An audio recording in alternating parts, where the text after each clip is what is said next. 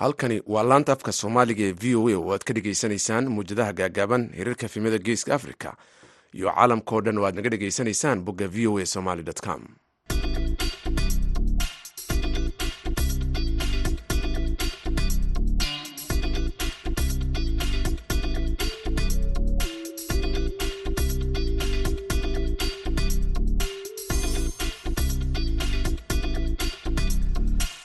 wanaagsan dhegaystayaal idilkiinba meel kastoo aad joogtaan. Saacadda afrikada bari waxay tilmaamaysaa kooda iyo barka duhurnimo. Waa nofembar toddobiyo tobanka sanadka laba kun labaiyo labaatan idaacadda duhurnimo ee barnaamijka dhallinyarada maanta. Waxaa idinla socodsiinaya anigoo ah jamaal axmed cismaan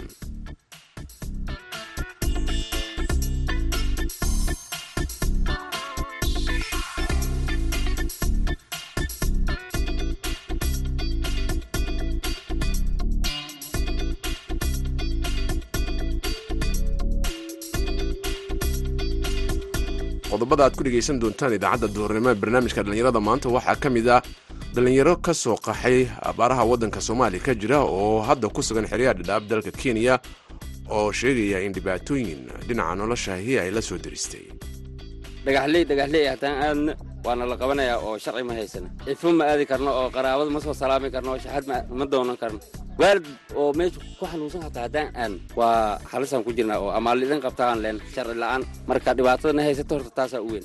Oo ma shaxa tegi karan nin xanuunsan ma aadi karan waxaad kaloo dhegaysan doontaan dhallinyarada magaalada carmo ee puntland oo soo bandhigay buug la sheegay inuu faa'iido weyn ugu jiro dhallinyarada deegaanada puntland ku dhaqan. Iyo sidoo kale barnaamijka inta aan ku guda jirno waxaad maqli doontaan kaalmihii heesaha iyo ciyaaraha iyo qodobo kale intaas oo idil waxaa ka horeynaya dhegaystayaal warkii dunida ee ku soo dhowaada.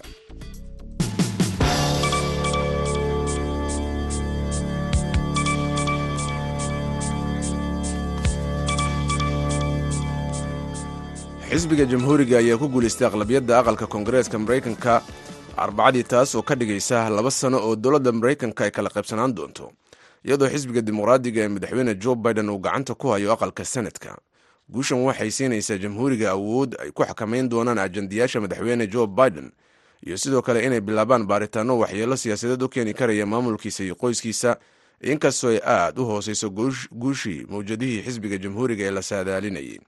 Jamhuuriga ayaa ku guulaystay kursi oo ay u baahnaayeen si ay u xakameeyaan aqalka oo ay u xukumaan aqalka. Guusha xisbiga jamhuuriga ee degmada toddobylabaatanaad ee koongareeska californiya ayaa u fududeeyey inay la wareegaan aqlabiyadda golaha wakiilada.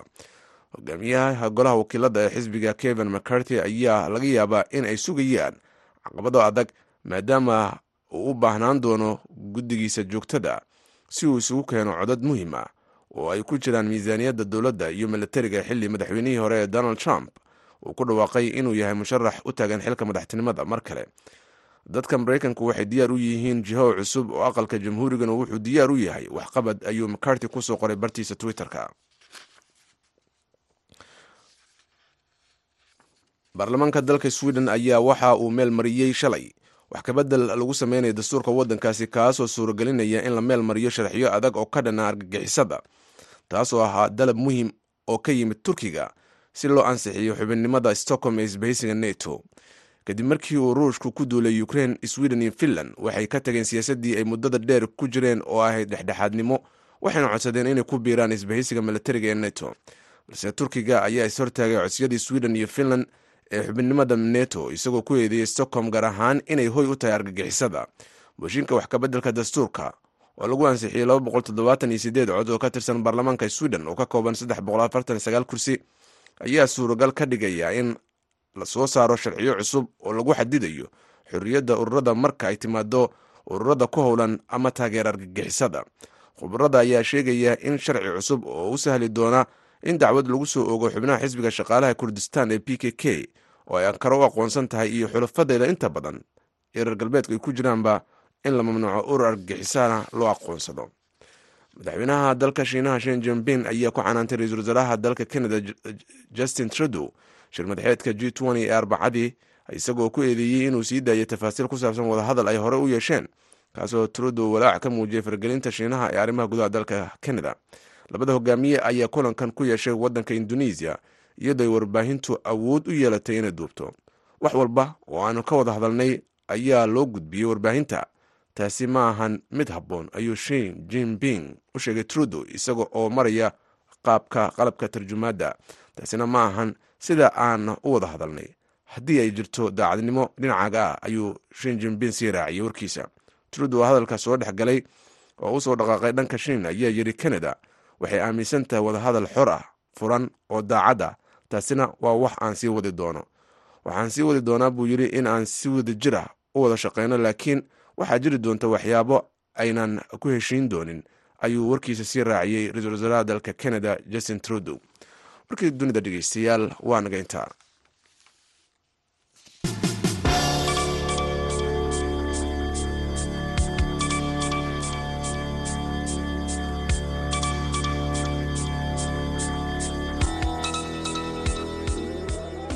Duur wanaagsan dhegeystayaal halkaad warkaasiad ka dhegeysanayseen waa v o a. Aynu gudagalno qodobada kale ee idaacadda duurnimo ee barnaamijka dhalinyarada maanta idinkugu hayo dhalinyaro fara badan oo ka soo qaxay abaaraha waddanka soomaaliya ka jira ayaa gaaray xeryaha dhadhaaba waddanka kenya si la mid ah dadka kale ee jilicsan ee ka soo qaxay abaaraha.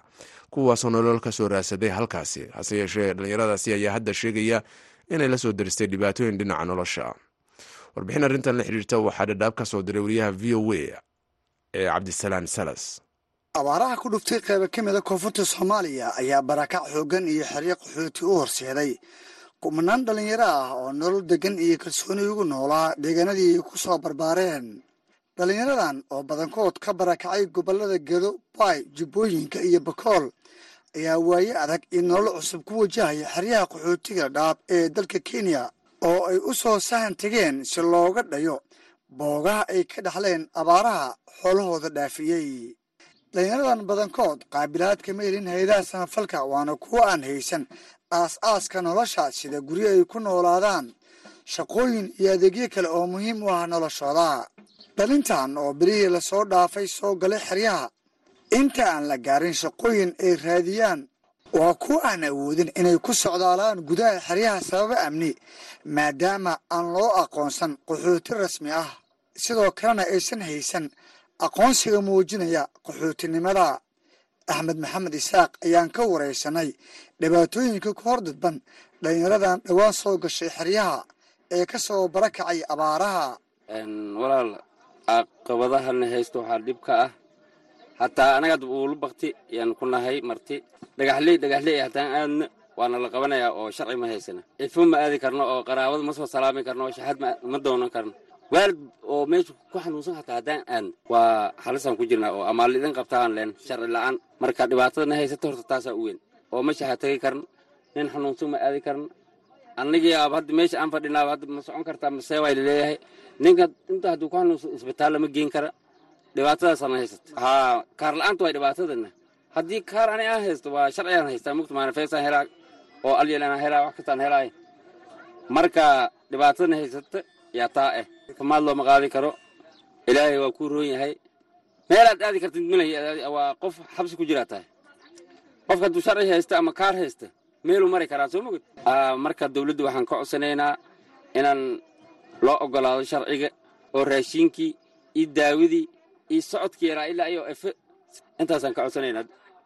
Dhinaca kale haashim daahir jire wuxuu xubin ka yahay ururada dhallinyarada ee ka dhisan xeryaha dhadhaab wuxuu barnaamijka dhallinyarada v o eda u sheegay in caqabadaha ay wajahayaan dhallinyaradan ay qayb ka tahay hubinti la'aanta deegaameed ee ay ku sugan yihiin kumnaanka dhallinyarada ah ee ka soo barakacay abaaraha ka jira koonfurta soomaaliya.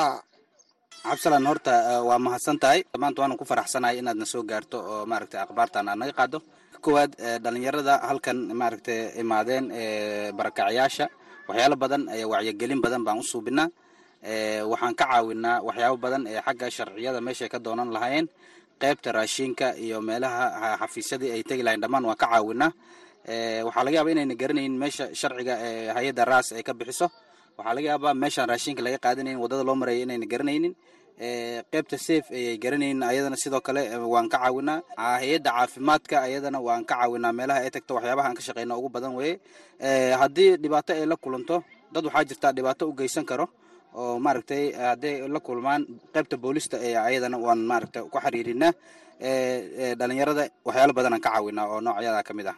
Waa tahay haashim maalin kasta ayaad dhalinyaradan ku dhex jirtaa noloshooda hoose waa la socotaa. Caqabadaha aan ku dul wareegsan oo sida gaarka ah aad u taaban karta maxay tahay?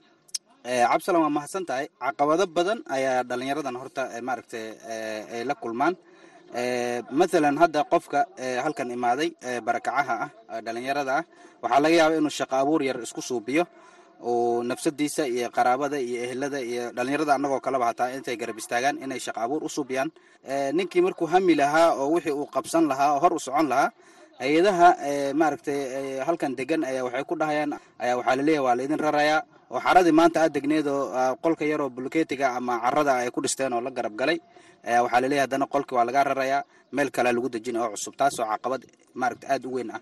Qofkii maanta isku dayay inuu ama qaad yar gato ama wax yar oo maaragtay buskud iyo wax uududubo ama mooto qof leey inuu ka shaqeeyo qofki markii meel uu garanaynin iyo meel cusub la geeya wixii way ka kala dhumayaan cabsalan dhibkaas marka niyad ahaan ayaa mar kasta loo dhibaateeyaa ha niyada xagga niyada iyo hamigoodii ayaa la dhibaataynaya mar walba ayagoo waddankoodii ka soo barakacay dhibaatooyin iyo abaaro inta badan dadka hadda inta jooga dad beeraley bay ahayn abaarihii ayaa soo barakiciyey ugu dambayntiina haashim dahar jire ayaa haydaha samafalka ee xeryaha howlgala ka codsaday in fursad shaqo oo mustaqbal sal adag siin karta loo abuuro barakacayaashan dhibanayaasha u ah abaaraha. Waxaan jeedin lahaa hay'adaha samafalka suubiya ee maaragtay maaragtay dhalinyarada inay u gargaaraan oo ay u abuuraan shaqo abuur dhalinyarada waxaa joogaan qaar wax bartay. Waxaa jooga qaar xagga farsamada gacanta ku dheereeya qaar maaragtay darawaliin ayaa jira. Qaar baa akhristay oo ilaa dugsi sare ama dugsi dhexe gaaray. Dhalinyaro badan oo maaragtay faryamada aad u yaqaano sida harqaanka qaybta balambinka xagga biyogelinta xagga alxaanka iyo qaybtan electroniga dhalinyaro bartayna jira. Xarada maaragta oo halkan dadka cusub ku dhex jiro. Waxaan dhihi lahaa hayadaha ha imaadaan. Dadkaas ha u abuuraan shaqa abuur ha u suubiyaan. Midaas ayada cabdisalaan salas v o a xeryaha dhadhaab.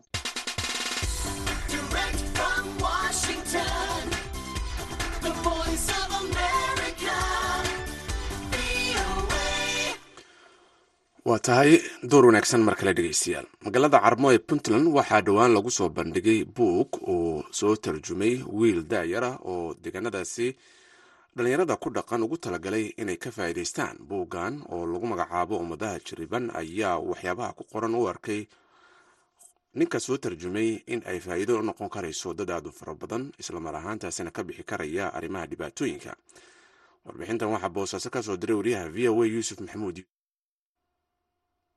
Waxaa magaalada carmo ee gobolka bari lagu soo bandhigay buugga ummadaha jarriban oo uu turjumay qoraa aadan badiici salaad oo ka mid ah dhallinyarada magaalada boosaaso buuggan goobta lagu soo bandhigaya waxaa ka qayb galay qaybaha kala duwan ee bulshada oo u badnaa dhallinyaro. Buuggan oo markiisa hore uu ku qornaa af carabi ayaa wiilkan dhallinyarada ah ee u turjumay af soomaaliga weydiinay. Muhiimadda uu leeyahay dadka akhrista yuusufow aada baad umahadsan tahay. Niyow buugga kan aan ku soo bandhignay degmada carmo horeyna aan ugu soo bandhigay magaalada muqdisho iyo garowe waa buug aan turjumay af soomaali u turjumay asalkiisii horena ku qoraa af carabi. Buuggan waxaa qoray doctor karim darwish oo ah mufakir aqoonta cilmiga bulshada iyo cilmi nafsiga iyo luuqadaha iyo waxyaalahaas oo dhan kulansaday waa buug runtii aan is leeyahay waxtar badan buu bulshadeena uleeyahay waxa uuna wax badan ka daweyn doonaa xanuuno eenu dunida la wadaagno aan ahayn xanuun inaga keligeena ku gaar ah balse aafo caalami ah oo dunida maanta meelo badanna ka jirta. Sooyaal ahaanna muddo soo jirtay ayuu la fagurayaa taas oo ah aafada kale talisnimada buugga sida magaciisa aad ka aragto ummadaha jiraban waxa uu aada u falanqeynayaa oo tusaalayaal nool u soo qaadanayaa ummado la soo noolaaday ama ku hoos noolaaday aafadaas kale talisnimada ah ama maantaba dunida la nool. Marka midda ugu muhiimsan aan runtii ee buuggan turjumidiisa u qaatayna waxaa ka mid ah markii aan akhriyey kadib waxaa iga soo dhex baxday dalkeena soomaaliya dhibaatooyin badan oo ka dhex jira oo runtii xalalkooda aada moodo in uu haleelay qoraago buuggu ayaan ka dhex arkay. Marka waxyaalahaas oo dhan ayaa isku biray ayaa sabab u ah inaan turjumo ama igu dhaliyay waa mahadsan dadka ku foogan xaluhelidda dhibaatooyinka ina ina ragaadiyey. Gaar ahaan waxaan si gaara ugu sii hibiyey buuggan dhalinyarada soomaaliyeed oo aan is leeyahay runtii inay tahay shumaca keliya oo maanta la sugayo oo rajada laga qabo ay tahay aayahooda iyo mustaqbalkooda iyagu in ay hagaagsadaan. Marka waxaan is leeyahay faa-iido kolley wuu ka heli doonaa qof walba oo akhrista. Waxaan is leeyahay qofkii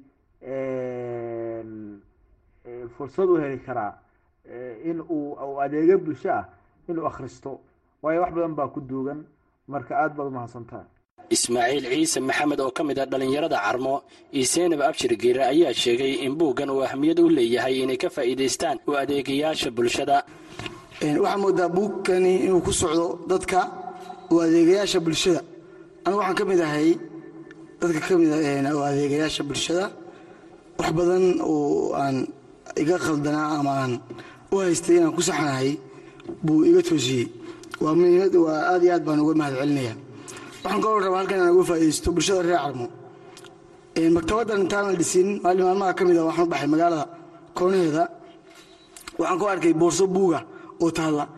Buugtaas waxay isugu jiraan buug jaamacadeed iyo buug sekondariga iskoolka ah. Waxaan soo qaaday buugtii waxaan keenay magaalada waxaan u geeyey niman dhallinyaraha oo magaalada jooga oo fonfoora oo guri wax ku akhrista buugtii intii ugu badnayd waxay dheheen waa naafacdaa bay qaateen. Haddana waxaan hayaa buugtii jaamacadaha. Waxaan rabaa inaan maktabadda buugta jaamacadaha inaan keeno. Baan rabaa sida insha allah waan hayaa xafadeedii taallaa marka bulshada waagii buugta la tuuri jiray ma aha. Maktabad baan yeelanay. Maktabadaas inaan keensano buuggii la tuuraayo ama qofku buuggaa ka dhirigo marka buugga sida sheegay stiil ma aan akhrin laakiin sida inoo ka muuqataa qodobada uu sheegay walaalka buugga tarjumay. Waxaa waaye wuxuu ka sheekaynaya yani taariikh jirtay iyo yani wax dhacay iyo sidii loo xalliyey soo markaynu aragno buugga magaca saaran ee ah ummadaha jiraman micne waxaa ka mid nahay ma si aa u fiirino dad ku dhex jira baan nahnay ummadaha jiraman waayo dad soddon sano iyo ka badan burbur ku jiraan nahnay marka buuggan oo kale iyo bugaagta la midka ah waxayna ka caawin doonaan inaan wax ka baranno. Laakiin waa goormo markaan wax ka baranayno. Waa markaan intaynu akhrino yacni aynu ku camalfalno aqoontii cilmiga iyo waxbarashadu intuba waxay saameyn yeelataa marka wixii ficil loo bedelo oo markaasi akhris markaynu badino waxaa dadka wax maskaxdeennibaa koraysa. Runtii markaa buug akhrisidba xoogaa yaro kor baa dareemaysa inaa xoogaa weynaatay. Buuggan uu af soomaaliga uu ku turjumay wiilkan dhallinyarada ayaa horey ugu qornaa af carabi si bulshada ku hadasha af soomaaliga ay uga faa'iidaystaan maadaama buuggan uu ka hadlayo xaaladaha adag ay maraan bulsho la soo nooleed burbur dowladeed. Yuusuf maxamuud v o e boosaaso aad ayuu mahadsan yahay dhegeystayaal yuusuf. Markan dhinacii ciyaaraha aynu jaleecno maxamuud mascade ayaa inala socodsiinaya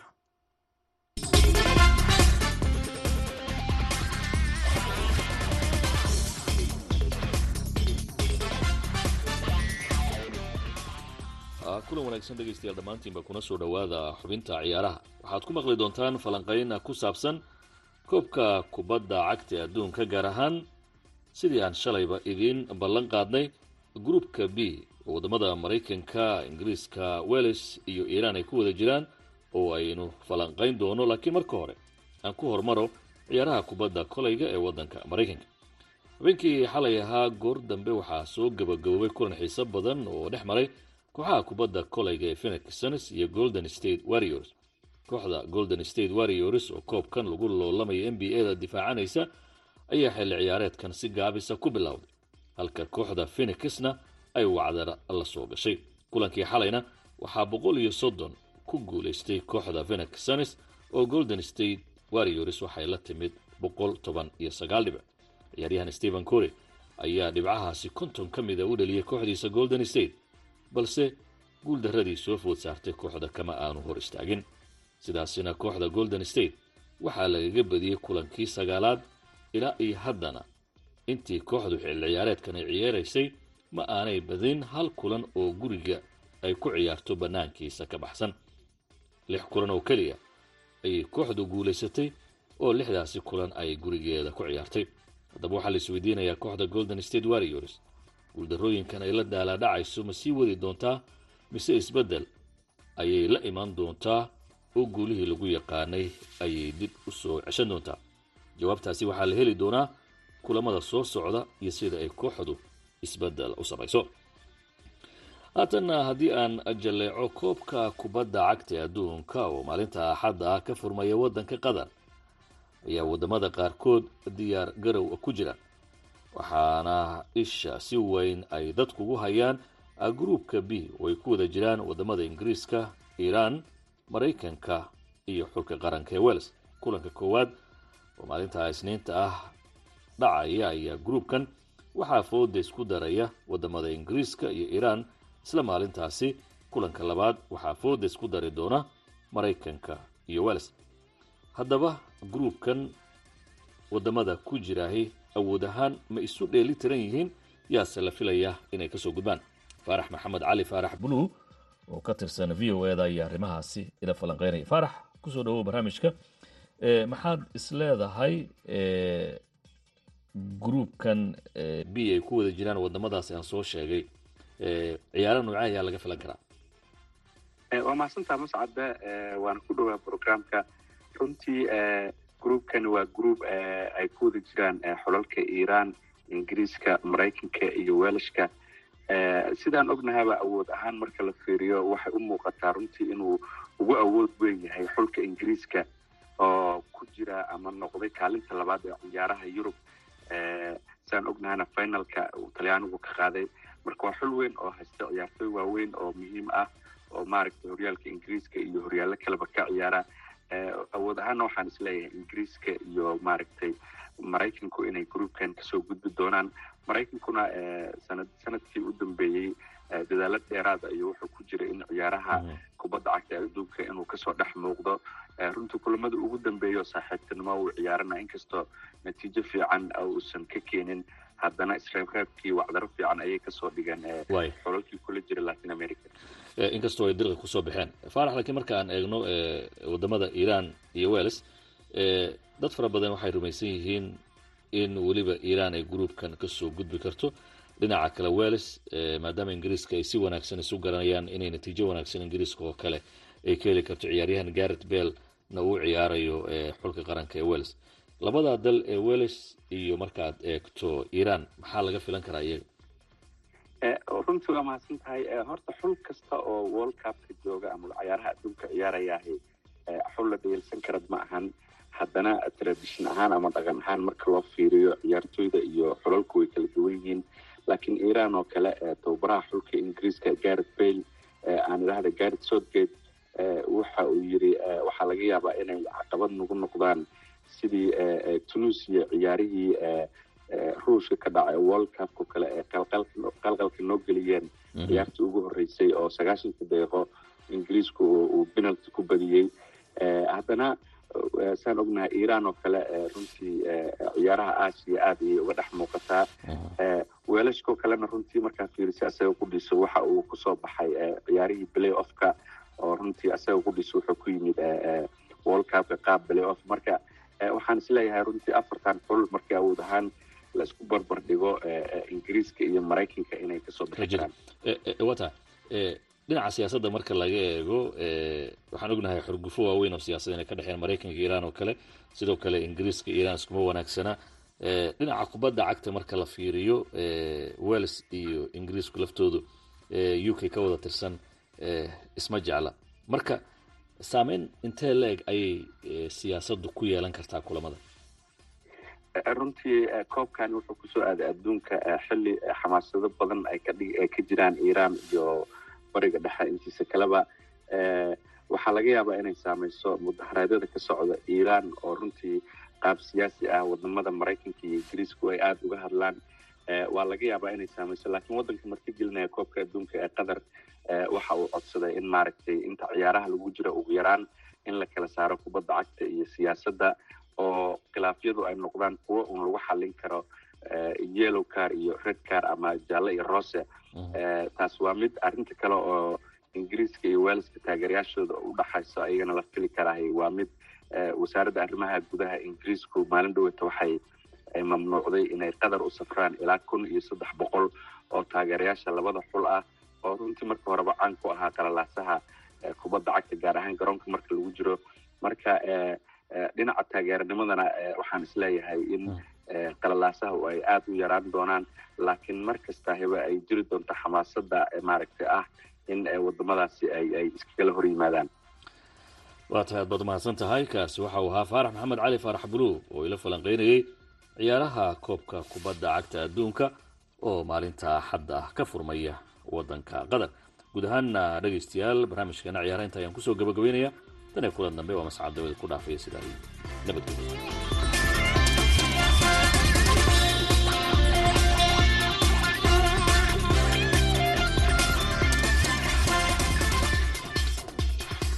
aad bay umahadsan yihiin mascadda iyo faarax bulu oo ciyaarihiin la socodsiinayay kuwaasi ahaayeen dhegaystayaal. Markana dhinacii heesaha aynu jalleecno nala dhegaysta heestani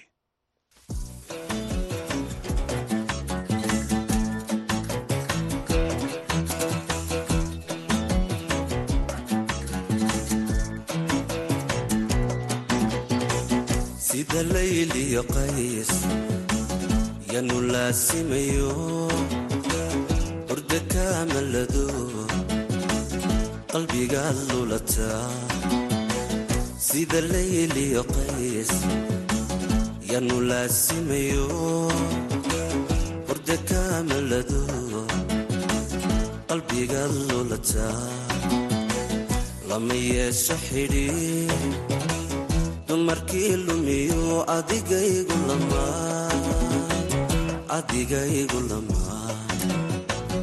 adigaygu lamaa lama yeesho xidhi dumarkii lumiyo adigaygu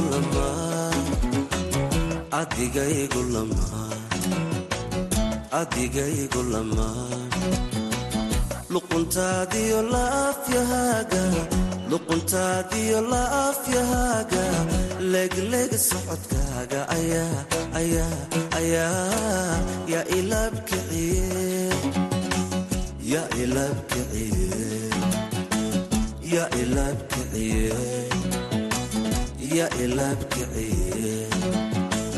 yaa ilaabkiciye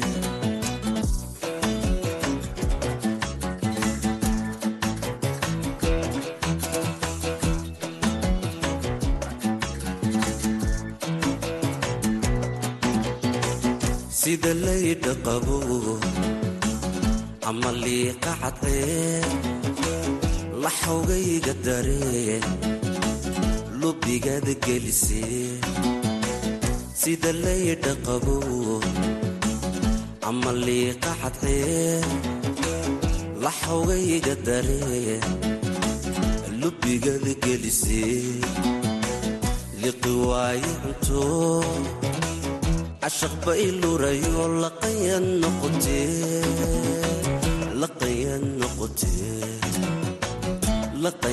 noqotee liqi waaye cunto cashaq ba ilurayo laqayan noqotee laqayan noqotee laqayan noqotee luquntaadiyo laafyahaaga luquntaadiyo laafyahaaga